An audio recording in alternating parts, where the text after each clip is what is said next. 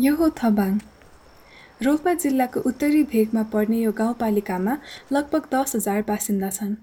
गाउँमा प्रवेश गर्दा गर्दै एउटा जिज्ञासु भित्ताचित्र एङ्गल्स मार्क्स स्टालिन लेनिन र माओका शिर टाढा टाढासम्म हेरिरहेका। उनको माथि हथौडा र हँसियाले सजिएको एउटा रातो झन्डा। यसमुनि लेखिएको संसारका सम्पूर्ण श्रमिक उत्पीडितहरू एक हौँ। थबाङ नभएको भए नेपालमा जति परिवर्तन भए अहिलेको तत्कालीन परिवर्तन त्यो अलिक फरक खालका हुन्थे। अहिले भए जस्तो हुँदैन यो यो निश्चित हो। विशेष गरी माओवादी जनयुद्ध हुँदैन त्यो अहिलेको यो अहिलेका नेताहरूले गरेका कारणले त्यो भएको होइन। त्यहाँको ऐतिहासिक पृष्ठभूमिले ल्याएको त्यो। राज्यको विपक्षमा रहेको झन्डै साठी वर्ष लामो इतिहासको साथ थपाङले कम्युनिस्ट गाउँको रूपमा आफ्नो नाम कमाएको छ। नेपालको दस वर्ष लामो जनयुद्धको क्रममा यस गाउँ विद्रोहीका लागि आधारभूमिको रूपमा स्थापित भएको थियो। आखिरमा थबाङ रोल्पाको सानो अविकसित क्षेत्रबाट नेपालको क्रान्तिको किल्ला बन्न कसरी पुगेछ? मेरो नाम हो श्रीजा उपाध्याय र तपाईँ सुनिरहनु भएको छ पिपलको बोट। आजको सिजनमा हामी नेपाली इतिहासमध्ये एक प्रभावशाली हिस्सामा प्रवेश गर्न लागेका छौँ। यो हो माओवादी जनआन्दोलन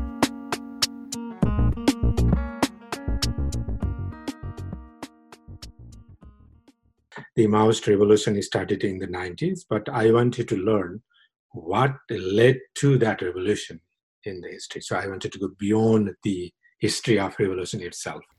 यी हुन् दिनेश पौडेल जो एपोलेसन स्टेट विश्वविद्यालयमा अनुसन्धानकर्ता तथा सहायक प्राध्यापक हुनुहुन्छ उनले आफ्नो यात्रामा धेरै पटक थवाङ भ्रमण गरेका छन् अब के थियो भने थवाङ लगायत त्यो Thawang area historically more independent नेपालको एकीकरण हुने बेलादेखि नै they are they had own socio economic systems र उनीहरू धेरै त्यहाँ मोर फ्युडल र मोर पुवर पिपल पनि थिएन मोरले चाहिँ उस्तै उस्तै लिभिङ उस्तै उस्तै setting more community type living helping each other more community economy based type structure हो थबाङ लगायतको त्यो एरियाको खाम मगर कम्युनिटी चाहिँ त्यस्तो स्पेसिफिकली थबाङमा धेरै जस्ता निवासी मगर र केही दलित समुदायका छन्।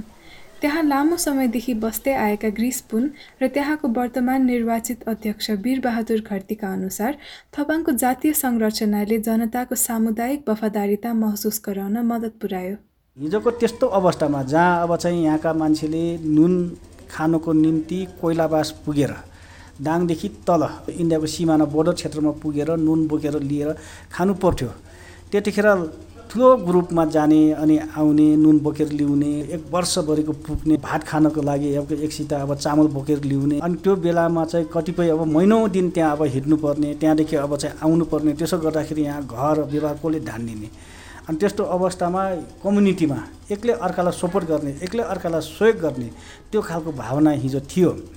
किनकि एउटा घरको मान्छे अब चाहिँ कतै टाढा गएको छ भने उसको घरको गाई बस्तु यहाँको त अब चाहिँ अब पशु चौपायाहरू तिनलाई रेखदेख गरिदिने अनि चाहिँ अब हेरचाह गरिदिने एक्लै अर्काको कम्युनिटीमा एक्लै अर्कालाई सहयोग गर्ने यस्तो खालको अनि चाहिँ अब मान्छे कसको अब डेट हुन्छ कसैको अब वैवाहिक सम्बन्ध हुन्छ त्यसमा पनि घरबाट एक एक मुठी अन्न अब चाहिँ जम्मा गरेर सहयोग गर्ने अनि लिएर चाहिँ जाँडहरू अब त्यस्तै अब चाहिँ घैँटेकै घैँटो उत्पादन गरेर अब त्यसरी सहयोग गर्ने अनि एक आपसमा त्यस्तो खालको सहयोगी भावना हिजो पनि थियो। र आज पनि छ। एउटा समुदायमा अलिकति अब मानिएको अलिकति चाहिँ अब ठुलो मान्छेले भनेको चिजमा त्यो अब भनेको लाइनमा त्यो भलै त्यो राम्रो होला नराम्रो होला होइन? अब त्यो जमानामा क्या। अहिले त राम्रो र नराम्रो केलाउने स्थितिमा त छ होइन? अहिलेको मान्छेहरू त। भए पनि त्यो संस्कार अझैसम्म पनि छ होइन? एउटा ठुलो मान्छेले भन्यो भने चाहिँ अलिकति गण्यमान्यले भनेपछि त्यसमा लागिहाल्नुपर्ने कम्युनिस्ट फिलोसफी जो भन्नुभयो नि कम्युनिस्ट फिलोसफी भने चाहिँ अब समानता हुनुपर्छ होइन? लैङ्गिक समानता हुनुपर्छ आर्थिक समानता हुनुपर्छ जाति विभेद हुनु हुँदैन। अनि यी कुराहरूले स्वाभाविक ढङ्गले मान्छेलाई छुन्छ है? र फेरि अब दुर्गम ठाउँ होइन? हरेक उसबाट चाहिँ चेपिएको होइन? राज्यले पनि त्यति नजर नलागेको यो ठाउँहरूमा चाहिँ त्यो नारा दियो भनेपछि स्वाभाविक ढङ्गले युवाहरू उदिलित हुन्छन् र त्यो लाइनमा लाग्छन्। र अर्को तपाईँले भन्नुभएको मुख्य कुरो त्यो कम्युनिस्ट फिलोसफी र मगर जातिहरूको जो चालचलन रीतिरिवाज त्यसले पनि अलिकति सपोर्ट दियो कि भन्ने कुरा जो उठाउनु भएको छ नि त्यो पनि हो एउटा होइन? मगर समुदायहरू मैले भने नि एउटा अगुवाले भन्यो भने चाहिँ त्यहाँ चाहिँ अब लागिहाल्ने। अगुवाको कुरालाई अब फाल्न नसक्ने होइन? त्यस्तो त्यसले गर्दाखेरि पनि त्यो कम्युनिस्ट फिलोसफीमा अब अलिकति चाहिँ अब झुकाफ गएको पनि मानिन्छ। यस्तै एक थबाङ्गी आयोजक थिए बर्मन बुढा सम्मानित अगुवाई जसले थबाङको पहिलो विद्रोहको नेतृत्व लिएका थिए। त्यसबेला त्यहाँ वीरताको चलन थियो जसको कारण करको दर अत्याधिक र शोषणकारी थियो। बुढाले त्यसबेलाको कर सङ्कलनकर्ता अथवा मुखियाको विरुद्ध एउटा समूहलाई उचाले। तर since 1950s, state became more aggressive in extracting natural resources, primarily forest, trees, and also uh, asking for more taxes and other thing, land revenue primarily. त्यसको विरुद्धमा चाहिँ अब ब्रह्माण्ड मुख्य ब्रह्माण्ड चाहिँ अब उडाए त्यतिखेर चाहिँ फेरि आफू एक्लै उडाएर पनि भएन केही चाहिँ अब युवाहरूलाई समेटेर चाहिँ अब कृष्ण मुख्यलाई हात हाल्न नसकेर त्यो खेतमा त्यो अहिले चाहिँ धान खेती हुँदैन। उतिखेर धान खेती पनि हुन्थ्यो अरे है तल त्यो बेसीहरूमा। अहिले त्यो अब घुसाइ भएर यत्रो चाहिँ जग्गाहरू छैन। त्यहाँ चाहिँ अब कुलोमा कुलो हाल्न जाने बेला एउटा चाहिँ अलिकति युवा मान्छेलाई यसरी धकेलेर त्यो अब कृष्ण मुखतिर धकेलेर बल्ल चाहिँ अब त्यो झगडाको वातावरण सिर्जना गरेको यसरी नै गाउँमा द्वन्द्व र हिंसा बढ्दै गयो र कृष्ण मुखिया गाउँबाट निकालिए। मुखियामाथि आक्रमण गरेको सजाय स्वरूप बर्मन बुढालाई सरकारी पक्षधरले कम्युनिस्टको आरोप लगाई प्युठानमा कारबाही गरे। प्युठानमा भने बुढाले यस्तो अवसर पाए जसले पछि गएर उनको स्वयं र पुरै थबाङको कम्युनिस्ट रूपान्तरणको परिणाम ल्यायो। त्यहाँ पक्रेर लैसकेपछि त्यहाँ अब मोहन विक्रम अब मोहन विक्रम कम्युनिस्ट नेता होइन? उनीसँग चाहिँ अब सम्पर्क भएपछि अब संस्थागत रूपले भयो भने त अब अलिकति मान्छे अलिक अहिले आँटिलो पनि हुने भयो होइन एक्लैले त केही पनि गर्न सकिँदैन त्यतिखेर राजनीतिक लिङ्क जस्तो भयो कि मोहन विक्रमसँग लिङ्क भयो किसान सङ्गठन खोले तेह्र सालमा त्यसरी चाहिँ अब हुँदै हुँदै गर्दाखेरि त्यो कृष्ण मुखियालाई विस्थापित गरेर आफू मुखिया भएको त्यसको देखिन्छ यो सबै माओवादीले युद्धको घोषणा गर्नुभन्दा झन्डै चालिस वर्ष अगाडिको कुरा हो बुढा मुखिया बनिसकेपछि उनले खेतीयोग्य जमिन सीमान्तकृत समुदायहरूलाई दिए र पुरै थवाङमा कम्युनिस्ट विचारको प्रारम्भ गरे। उनले खोलेको किसान सङ्गठन पछि गएर नेपाल कम्युनिस्ट पार्टीको मोर्चा बन्न पुग्यो। यो विशेष गरी पञ्चायत कालमा उपयोगी भयो जब राजाले सबै प्रकारका राजनीतिक दलमाथि प्रतिबन्ध लगाए। त्यो त्यो चाहिँ that was a kind of revolution for that was already a revolution and Thabang people think that that already liberated them from state control. So Thabang was liberated not after Maoist or other thing. They were liberated like almost 60 years ago through their own system. त्यस्तो छ उनीहरूको यो क्रान्ति केवल कर विरुद्ध मात्रै थिएन यस पछाडिको अर्को कारण गाउँले र मुखिया बीच गाउँको विकास सम्बन्धी अवधारणा नमिल्नु पनि थियो अहिले विश्लेषण गर्दाखेरि कृष्ण मुखियाको एउटा समाज सुधारको योजना रहेछ। सुँगुर बुङ्गुर गाउँमा नपाल्ने कुकुरहरू नपाल्ने होइन?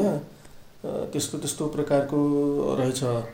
तर उनको चाहिँ समाज सुधारको एउटा दीर्घकालीन सोचको हिसाबले त ठिकै हो। तर त्यतिखेरको वस्तु परिस्थिति त्यतिखेरको जनताको चेतना त्यसले चाहिँ साथ दिएन।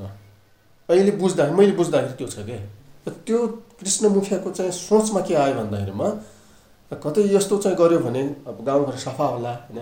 वातावरण सफा होला भन्ने सोच त भयो। तर बहुसङ्ख्यक अब जनताहरूको चेतना त्यो त्यहाँ त्यो स्तरसम्म पुगेको थिएन। किनभने जनताले मन पराएन है? किनभने अब यो अलिकति धेरै दीर्घकालीन र प्रभावकारी चाहिँ अब योजना ल्याउँदैमा चाहिँ अब उतिखेरै अब त्यो लागु नहुँदो रहेछ भन्ने बुझ्यो। श्रेणीगत विकास विचारसँग थबाङको सङ्घर्ष यही समाप्त भएन। पौडेलले हामीलाई कसरी सरकारी तथा युएसएड जस्ता अन्तर्राष्ट्रिय सङ्गठनहरूको अनावश्यक हस्तक्षेपको कारण पनि गाउँ झनै कम्युनिस्ट विचारतिर तानिन थाल्यो भनेर बुझाए।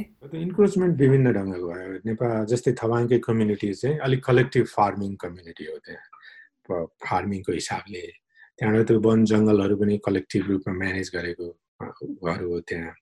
यो डेभलपमेन्ट प्रोजेक्टले के गरिदियो भन्दा त्यो वन जङ्गलहरू थबामै ट्रिगर गर्न चाहिँ उनीहरूले चाहिँ कमर्सियल यो स्याउ प्लान्टेसन सुरु गरेको थियो युएसएआइडी लगायतकोले त्यो थर्ड त्यो कमर्सियल त्यत्रो प्लान्टेसन भएपछि तिनीहरू धनी हुन्छन् अनि सब हुन्छ त्यस्तो मेन्टालिटीबाट गयो। तर उनीहरूको त्यो सिस्टम फरक थियो। उनीहरूलाई त्यो पैसालाई धन ठान्दैनन् अहिले पनि ठान्दैनन्। त्यो त्यो त्यो चाहिँ एकदम पश्चिमा मोडल हो क्या त्यो त्यो पुँजीवादी मोडल हो। पैसा भएपछि मान्छे सबै ह्याप्पी हुन्छ भन्ने। तर संसार त्यस्तो हुँदैन। थबाङले त्यो रुचाएन उनीहरूले चाहिँ आफ्नो जङ्गल अतिक्रमण गरेको ठाने त्यो एउटा भयो। अर्को गाँजा। गाँजा चाहिँ पश्चिमाहरूले यो त लागु औषधि ड्रग भने। जबकि त्यहाँको मान्छेको लागि त यो त घाँस थियो स्याउला थियो लुगा लाउने चिज थियो अचार खाने थियो भुट्टु नाल्ने तरकारी पकाउने तेल थियो त्यो कुरा बुझेन। अनि उनीहरूले ड्रग भन्दै सबै सोतर बनाइदिए काटिदिए। त्यसले मान्छेमा विद्रोह जगाइदियो। त्यो इन्क्रोचमेन्ट भयो। जस्तै हेम चाहिँ उनीहरूको लाइफको ठुलो कम्पोनेन्ट हो क्या लाइभलीहुडको। हेम्प लगाएपछि मात्रै मकै छर्ने क्या मकै राख्ने हुन्छ। किनभने त्यसले मल्चिङको काम गर्छ। मल्चिङ भन्ने थाहा छ? मल्चिङ भनेको त्यो मोइस्चर कन्टेन गर्छ क्या त्यसले। अब त्यो हेम्प सबै काटिदिएपछि त्यो मोइस्चर पनि हुँदैन मकै पनि फल्दैन। भनेपछि होल इको सिस्टममै चेन्ज ल्यायो त्यसले।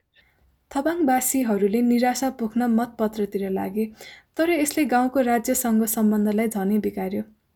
विक्रम सम्बत दुई हजार पन्ध्रमा भएको पहिलो आम चुनावमा थबाङबाट आएका शत प्रतिशत मत नेपाल कम्युनिस्ट पार्टीको पक्षमा थियो। विक्रम सम्बत दुई हजार सडतिसमा जब राजनीतिक पार्टीहरूमाथि प्रतिबन्ध लगाइयो थबाङले समग्र निर्वाचनकै बहिष्कार गर्यो। उनको यो कदमले राज्यको उनको कम्युनिस्ट विचारधाराप्रति ध्यानकर्षण गरायो।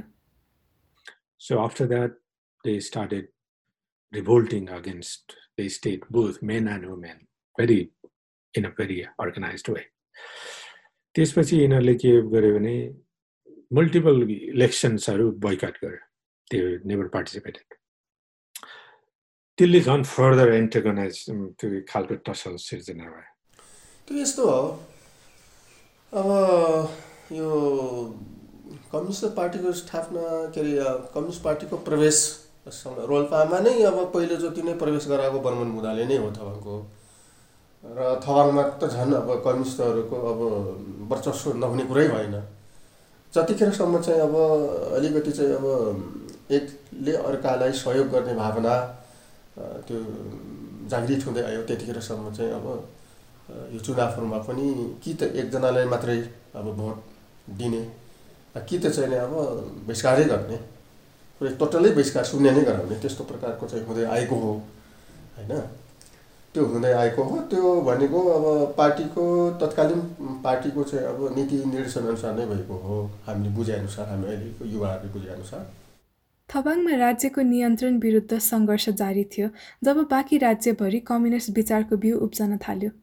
लन्डन विश्वविद्यालयमा नेपाली र हिमालयन अध्ययनका प्राध्यापक माइकल हटको सहयोगले हामीले नेपालमा क्रान्तिका विस्तृत कारणहरू बुझ्न सक्यौँ It's not necessarily to do with abject poverty. It's it's not to do with total exclusion. It's not to do with a total lack of education. It's to do with a kind of potent mix of some measure of those factors in a particular place at a particular time. हटका अनुसार मुलुकको आर्थिक स्थिति जति नै कमजोर भए पनि अर्थतन्त्र मात्रैले सत्र हजारजना मारिने युद्धको कारण पुष्टि गर्न सक्दैन। यसका लागि शिक्षाको कमी र सामाजिक सीमान्तीकरण र यिनीहरूको कुनै रूपमा मिसावट हेर्न आवश्यक हुन्छ। यसरी मात्रै युवाहरू किन कम्युनिस्ट हुन गएका हुन् भन्ने प्रश्नको उत्तर पाउन सकिन्छ। To talk about the particular stage that certain sections of Nepali society had reached in its in their understanding of the relationship between development, education, and prospects. So I mean, what you have here is a very large number of young people um, being persuaded that it was in their best interests to actually walk out of their homes and pick up a date. Tens of thousands of young people, um, mostly young people, I think, and many of them from Janajati, so minority ethnic backgrounds.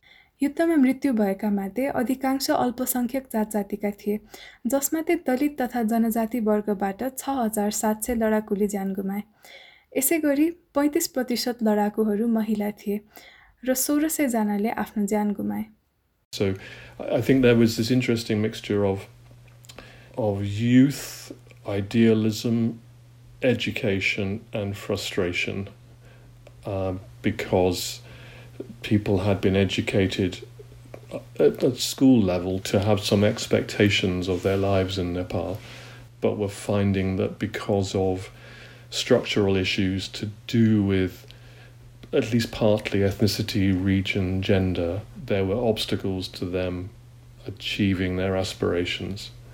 And so they were persuadable that a solution to this could come through uh, through armed conflict.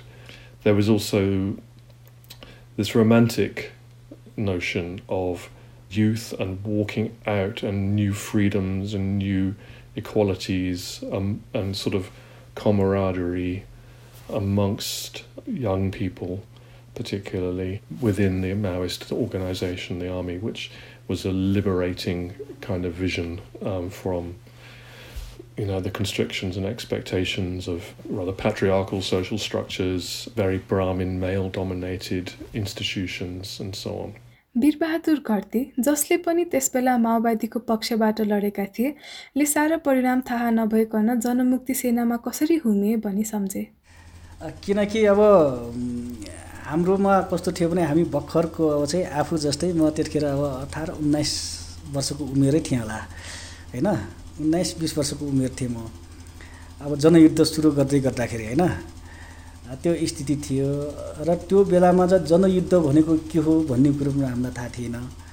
तर हामी के थियो भने त्योभन्दा अगाडि खास गरी यहाँको अगुवाई गर्ने बर्मान बुढाहरू अनि त्योभन्दा कृष्णबहादुर महराहरू यहाँको अब चाहिँ दुई हजार छ्यालिस पछाडि सडचालिसको उसमा चाहिँ के अरे चुनावमा भाग लिएर यो रोल्पा जिल्लाको अब मान्ने अब चाहिँ के अरे अब सांसद बनिसकेका थिए र हामी उनीहरूको पछाडि पछाडि उनीहरूलाई सपोर्ट गर्थ्यौँ र उनीहरूलाई नै भोट दिएर हामीले उनीहरूलाई अब जिताएका हौँ।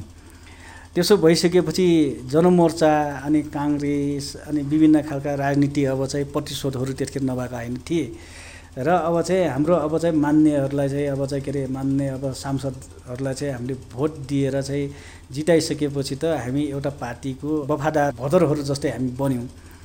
र त्यो पछाडि अब चाहिँ पार्टीले जनयुद्ध सुरु गर्ने भन्या रहेछ त्यो कुरो हामीलाई धेरै अब चाहिँ भित्रको कुरोहरू हामीलाई भनेका थिएनन्। तर अब तपाईँहरू अब युवाहरू तपाईँहरू लाग्नुपर्छ यसमा।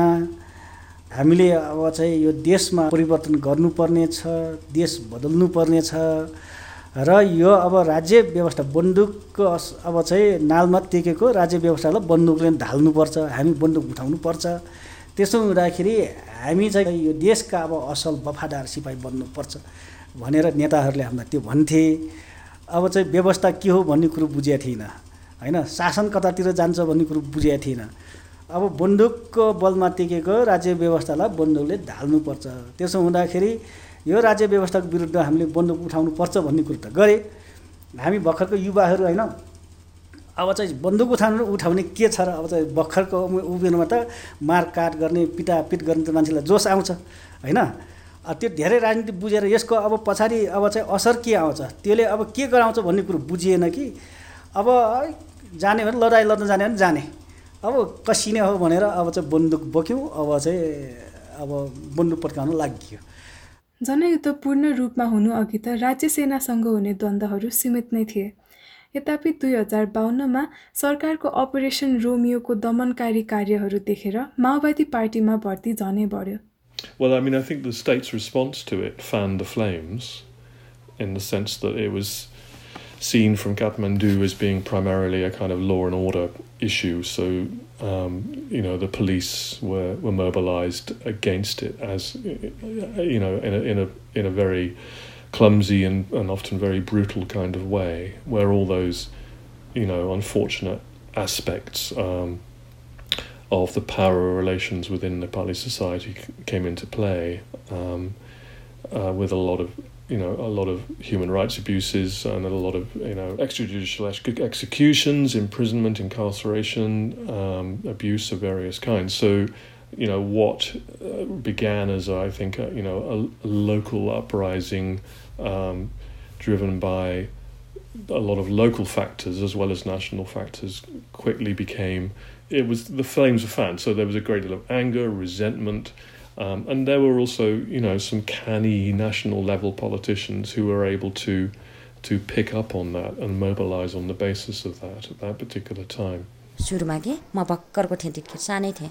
अब यस्तो बोल्नै आउँदैन थियो त्यतिखेर अहिले पो अब अलिकति पनि बोलिन्छ बोल्न भने आउँदैन थियो कि त्यतिखेर अनि मेरो मामालाई पुलिसले समाएर लग्नु भएको लगेको थियो कि त्यहाँ। यी हुन् जित कुमारी विक जो हाल थबाङ गाउँपालिकाका निर्वाचित बोर्ड सदस्यमध्ये एक हुन्। मामालाई खाना लगेर गएको हो। अनि खाना लगेर जाँदा पुलिसहरूले राइफलले यस्तो यस्तोमा ठट्टाडियो क्या हाम्रो टाउको टाउकोमा हान्ने त्यस्तो गरे।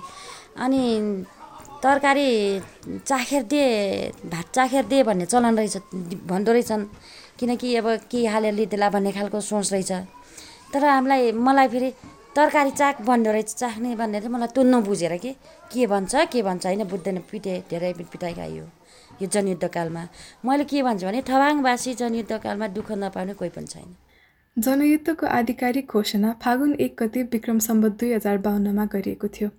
माओवादी क्रान्तिकारीहरूले कम्युनिस्ट सन्देशका प्रयोग गरी सार्वजनिक समर्थन जुटाउन प्रयास गरे। उनीहरूले महिला अधिकार दलित सशक्तिकरण र राज्य नियन्त्रण विरोधी अभियानमा जुटिरहे।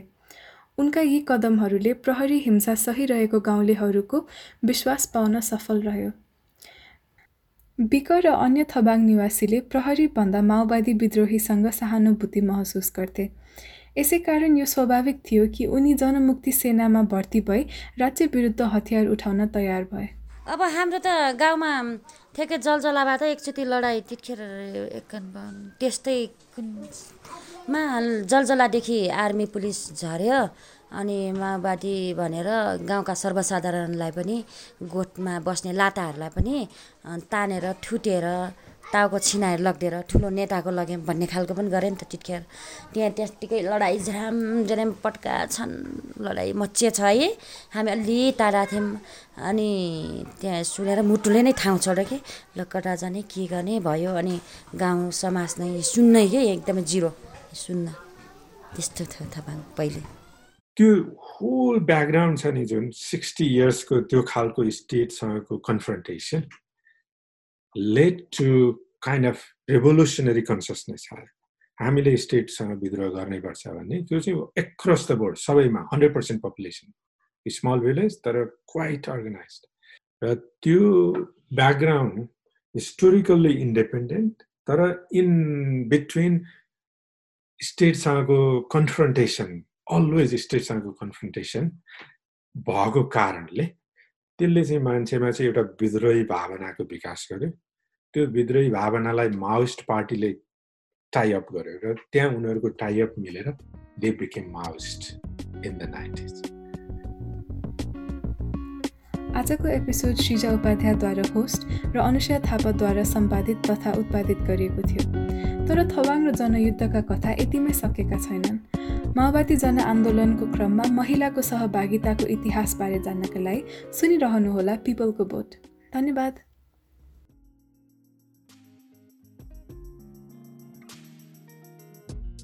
त्यो नेपालको एउटा नमुना काम भयो नि कमिन।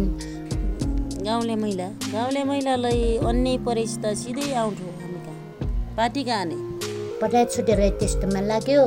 पछि पछि त पढ्नुभन्दा हामीले पढ्नु छोड्यौँ। अबको हाम्रो जीवनको लक्ष्य यही एउटा मात्रै छ उद्देश्य। किनकि मेरो पालोमा एउटा इतिहास रहोस्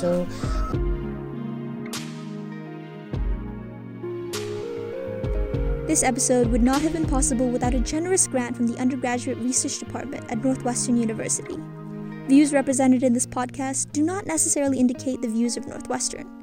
Please reach out to peoplegobot at gmail.com for editorial inquiries.